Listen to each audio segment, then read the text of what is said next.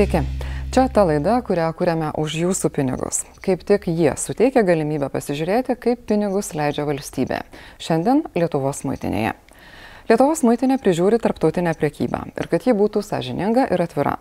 Muitinė veikia prie finansų ministerijos. Ja sudaro muitinės departamentas, kriminalinė tarnyba, mokymo centras, muitinės laboratorija, informacinių sistemų centras ir Vilniaus Kauno ir Klaipados teritorinės muitinės. Šiuo metu šioje sistemoje neužimtos maždaug pustrečio šimto darbo vietų. Muitininkas per mėnesį uždirba apie 500 eurų. Dėl to dauguma jų ieško būdų užsidirbti kitur. Vieni nelegaliai, kiti legaliai. Bet kur dedami pinigai, kurie sutaupomi, kai maitininkas išeina iš darbo ir į jo vietą niekas neateina? Besiaiškinant, buvo painiavos, bet apie viską iš eilės. Iš pradžių, kaip iš viso gyvena maitininkai ir ypač tie, kurie dirba ne kabinetuose, o postuose. Vadinasi, ir šaltyje, ir karštyje. O į darbo vietą kartais turintys važiuoti šimtą ir daugiau kilometrų. Aukštasis universitetinis išsilavinimas, papildomi reikalavimai sveikatai, pakankamai ilgai trunkantis pretendentų tikrinimas, dažnai darbo vieta nutolusi nuo gyvenamosios vietos, darbas laukia, psichologiniai darbo aspektai - visa tai sugula į reikalavimus muitinės pareigūnui. Darbas jisai sunkus dėl to, kad jie susiduria su trečiaisiais asmenimis, mm, jie turi teisę naudoti prievartą ir priima sprendimus gal dažnai nelabai palankius tretiesiem asmenim. Todėl tas darbas turi ir psichologinio, ir moralinio tokio mm, akcentą, įtampos to buvimo ir aišku darbo sąlygos. Aš manau, kad e, pareigūno darbas šiaip jis turėtų būti atlygintas mm, tiek piniginė prasme, tiek darbo sąlygomis, sukurtomis normaliomis, tiek darbo atmosfera, tai ir viskas priklauso nuo darbdavio. O dabar mes matome e, tokią situaciją, kai yra vienų pareigūnų darbas lik ir išaukštinamas, lik ir mm, e, duodama suprasti, kad jis yra svarbesnis, o tie pareigūnai muitinėje iš esmės, kurie sukuria tą pridėtinę vertę muitiniai, kurie sukuria jos įvaizdį, kūrė, jie yra mm, nukelti į antrą planą. Sunkiai dirbantis pareigūnai atrodo turėtų būti aprūpinti kuo įmanoma geriau. Viena iš dviejų muitinės profesinė sąjunga sako, kad taip nėra, skundai teka upeliais. Trūksta aprangos pareigūnai ypatingai pasipylė skundai šiemet ir pereitų metų pabaigos, pabaigoje iš mobilių grupių pareigūnų. Tai pareigūnai, kurie dirba 12 valandų laukia, iš esmės laukia. Ir tai ir šaltis, tai ir lietus, tai ir nebuvimas tinkamo, kaip tas sako, vietos poilsiui tai ir pavalgyti jie negali, kaip tas sako, nes jie gali pavalgyti tik tai, kai turi laisvą laiką. Mm, kai neturi užduočių. Darbuotojams kompensuojamos ne visos kelionės išlaidos. Dėl vykdomos pareigūnų rotacijos pareigūnai patiria ženklės išlaidas vykimui į tarnybą ir iš jos. O šiuo metu maksimali išlaidų kompensacija postų pareigūnams 106 eurai. Atsiųstuose pareigūnų skunduose matomi skaičiavimai, kiek realiai išleidžia pareigūnai ir kiek privalo nuvažiuoti iki darbovietės. Pasak darbuotojų, visa tai ir dar stresas darbe neigiamai veikia pareigūnų sveikatą. Iš tikrųjų, pareigūnai serga nu, baisiausiom, baisiausiom lygom ir vėžiai, ir kas tik tai nori. Žinau, vienas pareigūnas nuo, nuo medininkuose patirto streso dabar. Ir vienintelis, vienintelis kaip tas sako, priežastis psichosomatinis sutrikimas. Sunkus įtemptas darbas, kuris pasak pačių pareigūnų dar yra aprūpintas skurdžiai. Už tokį tikriausiai turėtų būti mokami dideli atlyginimai. Įvertinus darbo sąlygas, tai yra naktinį darbą, įvertinus tas ypatingas darbo sąlygas, tai ir stažą valstybei, tai ir laipsnis, tai yra į rankas iki 500 eurų. Žmogus jaučiasi ne tiek dėl darb, mažo darbo užmokesčio pažemintas, kiek dėl tos neteisybės. Nes visi mato, visi žino tą neteisybę. O socialinė neteisybė pasireiškia elementarių atlyginimų dydžiu. Pareigūnai tai valstybės tarnautojai skirstomi į kategorijas. Krovinių posto viršininkė aiškina, kad muitinės departamento administracijos darbuotojų kategorijos pačios aukščiausios, o ten, kur dirba postų pareigūnai, galioja kitos taisyklės. Praktiškai didžioji dalis posto inspektorių turi dešimtą pareigybės kategoriją. Ant pirštų galima suskaičiuoti tuos, kurie turi vienuoliktą o kurie turi 12, tokių nėra. Vilniaus teritoriniai muitinėje nėra, nors įstatymas leidžia. Tai jūs suprantat, netgi va tos e, pareigybių kategorijos yra ribos. Įstatymas leidžia. Departamentas, reiškia, postus sukišęs į apačią, į minimumą, savo pasiskyrė maksimumus. Nedaug muitinės sistemoje uždirbantys žmonės nėra stipri garantija, kad muitinė veiks nepriekaištingai. Pernai vien medininkų poste atleisti 22 pareigūnai, nuteisti už nusikalstamą veiklą. Tačiau ir dorai dirbantis muitininkai nėra stipriai įkvėpti darbui, kai neturi tinkamos aprangos ar kai benziną vykti į darbą turi piltis už savus, nes departamentas finansuoja ne visą sumą. Jeigu kelionė, kaip pavyzdžiui, į Raigardą ar medininkus, iš druskininkų kainuoja daugiau, negu leidžia kompensuoti nustatytą tvarką. Kodėl muitininkams reikia taip toli važiuoti? Kad būtų mažesnė korupcijos tikimybė, nes keli šimtus uždirbantis parą 24 valandas būdintis muitininkas ne savo gyvenamoje vietoje turi būti atsparesnis kyšiui už tą, kuris dirbtų netoli namų ir nerizikuotų prarasti tarnybos su geresne negu dabar gaunama alga. Žmonės tarnyboje išsaugoti norintys viršininkai arba reformuoja sistemą, arba ieško visų leidžiamų būdų paskatinti juos pinigais. Dabar apie tai, kaip skatinami eiliniai maitininkai ir kaip save skatina centrinis aparatas. Socialinė neteisybė muitinėje pasireiškia ir kitų būdų, skirstant premijas bei priedus. Laidos ryta gautais duomenimis pernai spalį skirstant vienkartinės atlyginimo dydžio premijas, muitinės gimtadienio proga labiausiai pasirūpinta administracija, ne inspektoriais. Departamentas e, pirmame etape jau savo ten prisiskyrė daugybę žmonių, apsidovanojo tom atlyginimo dydžio premijom. Nu, vat mūsų kolegė e, yra tos komisijos narė, jinai pareiškė protestą, tada leido ir teritoriniam muitiniam. Bet e, irgi skirti tas premijas. O prieš tai teritoriniams muitiniams neleido skirti premijų? Nebuvo iš vis pasakyta, kad yra tokia galimybė e, skirti e, premiją metinių progą. Pernai svarstant, kam suteikti vienkartinės premijas, sušaukta skatinimo komisija. Joje dalyvavusi vienos iš profsąjungos vadovė tikina, kad iš pradžių skatinimui buvo pateiktas muitinės departamento pareigūnų sąrašas, o kitų priklausančių institucijų, kuriuose dirba didžiausias skaičius pareigūnų, sąrašai, kaip teigiama, buvo labai trumpi. Tik vėliau leista pateikti daugiau pozicijų. Keista pasirodė ir tai, kad galutinėme direktoriaus skatinimo įsakyme pasirodė kiti pareigūnai neįsvarstė komisija paprasčiausias e, nuostaba kelia, kad tai, ką apsvarsto komisija ir ką išleidžia įsakymę, kokias pavardės yra nurodytos, tai mes ten ir pamatome, kad yra labai nemaža dalis pavardžių, kurios nebuvo svarstomos komisijoje. Kaip manot, kodėl taip yra? Nu, todėl, kad aiškiai mums paaiškinama, kad e, muitinės įstaigos vadovas turi teisę savo nuožiūrą įrašyti tam tinkamus pareigūnus į tą paskatinimo komisiją.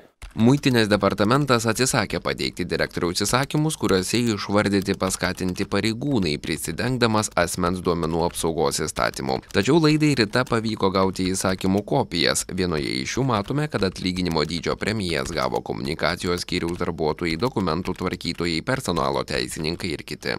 Paskatinimai grindžiami vyriausybės nutarimo 2.2. papunkčių. Premija skiriama už ypatingos svarbos užduotį. Kokios jos komunikacijos teisės personalo finansų dokumentų turto valdymo skyriuose neaišku. Nu ir neaišku, už ką jis gavo tą paskatinimą ir ką jis tokio padarė tokio ypatingo, kad jis ten įrašytas, nes pagal vyriausybės nutarimą reikia nurodyti konkrečiai už tas punktas skamba už vienkartinį ten ypatingos svarbos užduoties įvykdymą. Tai mums tik kelia e, nuostaba, kuo tas žmogus ypatingas. Muitinės departamentui kartu su departamento administracija priklauso septyni padaliniai. Vilniaus, Kauno ir Klaipėdos postuose dirba daugiausia pareigūnų. Tai yra tie žmonės, kurių darbas laukia. Tačiau spalio premijų statistika rodo, kad būtent šiuose padaliniuose buvo mažiausiai inspektorių gavusių premijų, o ir pačios premijos buvo menkiausios, didžiausios jų vadovybei. Aišku, paskui mes paprašėm, kad jie pateiktų informaciją. Ir dabar, pavyzdžiui, sakysim, informacija, nu, iš tikrųjų, labiau negu išaiškinga. Departamentas, įstaiga, kurioje dirba virš 200 žmonių, savo leido pasiskirti 40 tūkstančių premijoms. Kai teritorinė muitinė netoli 700 žmonių Vilniaus teritorinė, sakysim, 26 tūkstančiai. Tai netgi ta suma ženkliai skiriasi, pati bendra suma. Premijos mokomos iš sutaupytų lėšų, o šios susidaro dėl lygų, tėvystės atostogose esančių pareigūnų ir laisvų darbo vietų. Šių daugiausia būtent postuose, tačiau jiems skiriama premijų suma mažiausia. Tai klausimų sukėlė ir finansų ministrui, kuriam muitinės departamentas yra tiesiogiai pavaldus. Tokių situacijų, kuomet uh, yra uh, laikoma uh, begalė tuščių etatų, nors lėšų yra, tam, kad būtų žmonės pasamdyti. Tai tas klausimas, kodėl žmonės į postus nėra samdomi, o darbo užmokestis išmokamas ir didinamas būtent centriniam aparatui, kuris akivaizdžiai yra išpūstas. Tai iš tuos klausimus muitinė turi, turi tikrai rimtai atsakyti. Pasak Viliaus Šapokos ir ministerijai nėra aiški premijavimo logika. Tai yra vienas iš klausimų, kurį esame uždavę muitinės departamentui, kad paaiškintų tiek pačią logiką, tiek kaip yra resursai paskirstomi ar administracijai, ar tiem žmonėm, kurie tiesiogiai vykdo savo pareigas postuose, kodėl yra tiek neužpildytų etatų, kodėl skiriamos premijos vieniem ar kitiem. Tai na, visi šitie dalykai muitinės departamentas jos privalo atsakyti. Priedų išmokėjimo logika, nors ir neiški, bet panašiai vienkartinių premijų logika. Mėlyną spalvą matome vadovų pasiskirstimą muitinės įstaigose, raudoną postuose dirbančių inspektorių. Procentai rodo pareigūnus, kurių darbas 2016 pabaigoje buvo įvertintas labai gerai ir jiems išmokėti priedai. Mažiausia dalis ten, kur didžiausias inspektorių skaičius, didžiausia dalis, kur daugiausia vadovų neefektyvus yra išteklių paskirstimas, vien jau tai, kad mm, yra keletas juridinių asmenų ir nesujungti į vieną, kitas dalykas yra labai didelis administracinis aparatas. Penketą metų organizacinė struktūra nesikeitė, nors tam poreikis, mano nuomonė, tikrai yra. Ir atsižvelgiant į ateities tendencijas, taip pat į poreikį griežčiau kovoti su šešėliu, manau, kad na, organizacija šiuo metu tam nėra pritaikyta. Pasak finansų ministro, departamentas reikalauja pertvarkos, o ji esą tikrai įvyks. Finansų ministerija sako, kad muitiniai reikia reformos. Reformai paprastai reikia lyderio, žinančio, ką, kodėl ir kaip daro, motivuojančio savo žmonės ir priimančio ryštingus sprendimus. Pasižiūrim, ką čia turim. Interviu su muitinės vadovu, kuris pinigai skatinamų žmonės skirtingose padaliniuose skaičiuoja galvomis ir sako, ne, centrinis aparatas neskatinamas daugiausiai, na, nebent procentai skaičiuosim. Arūnas Tadomėnas, muitinės departamento direktorius. Pone Domenai, ko šiuo metu labiausiai trūksta Lietuvos muitiniai? Klausimas Geras galime atsakyti įvairiai. Aš manau, kad trūksta geros reformos. O kiek šiuo metu Lietuvos muitinėje yra neužimtų etatų ir ar jūs jaučiate poveikį tų neužimtų etatų? E, formaliai turime 2300 etatų, šiuo metu žmonių dirba apie 2000, tai apie Apie 300 yra neužimti vadinasi. Nepilnai 230 neužimtų etatų.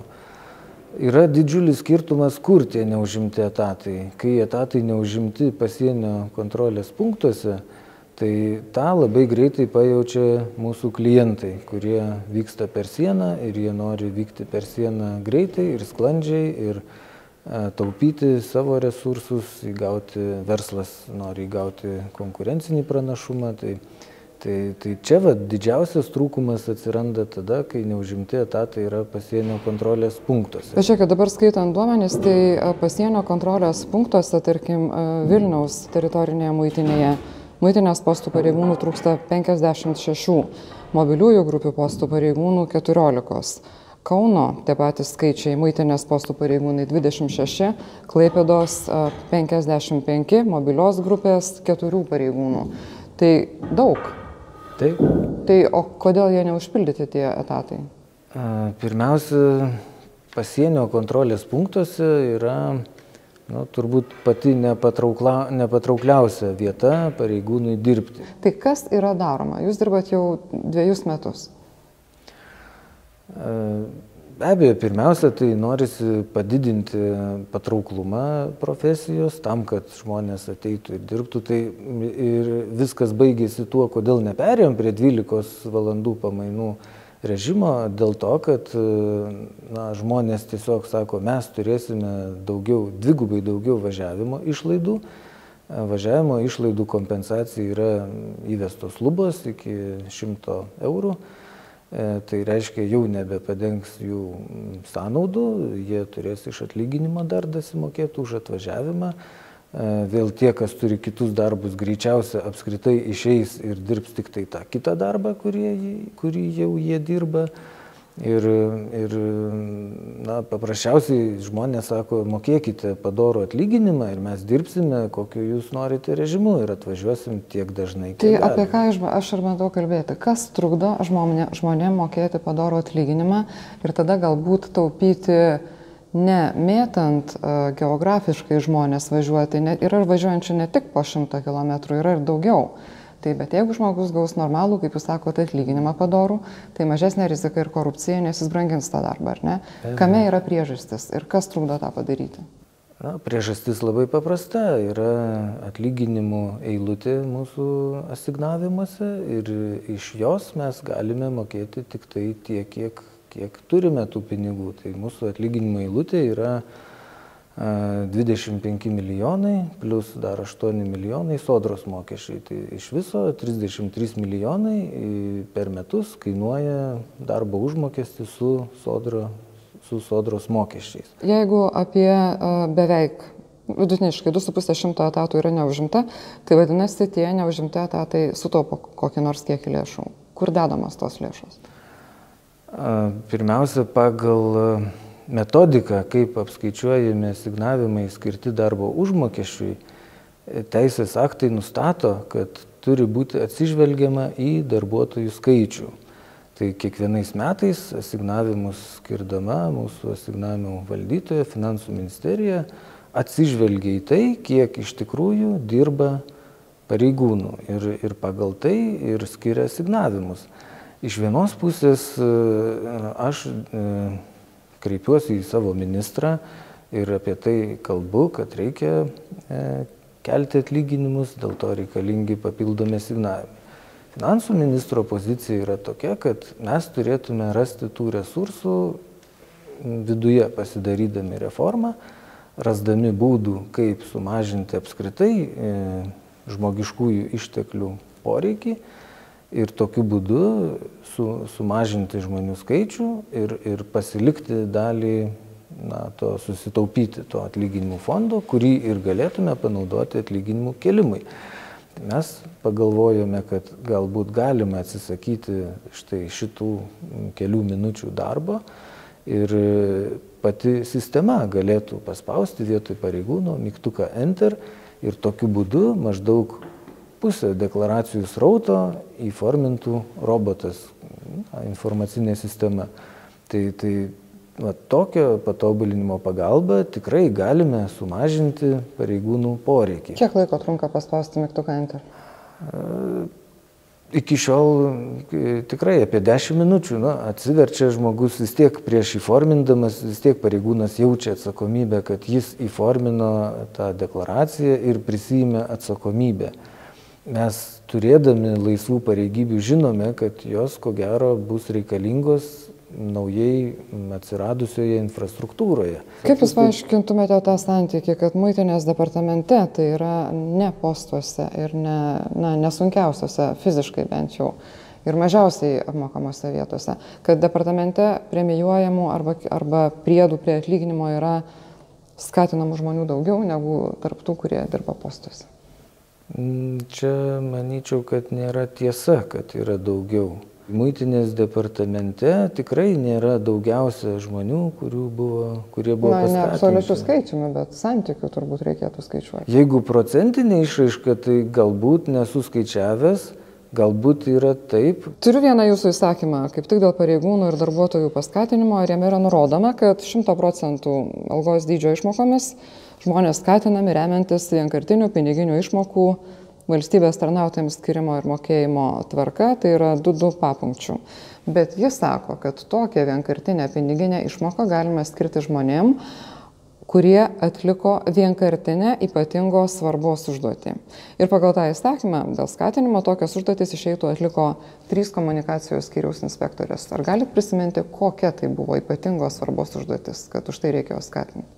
Na, komunikacijos skyrius e, organizuoja ir renginius, viešinimo renginius. Tai mm, dabar negalėčiau prisiminti, jeigu būtumėte tą klausimą paklausę, būčiau pasidomėjęs ir susiradęs tą mm, siūlymą, kur, kur jų tiesioginis vadovas siūlė. Ir, ir Galite siūsti, nes šiaip iš jūsų žmonių mes gaunam tokius atsakymus be konkrečių duomenų, prisidengiant, kad to neleidžia pasakyti asmens duomenys. Mano pirma, pirmas noras buvo jums jį atsiųsti, bet aš pasikonsultavau su teisininkais dėl duomenų apsaugos, kurie man patarė, kad tai yra asmens duomenų reglamentavimo sritis ir mes neturime teisės atskleisti.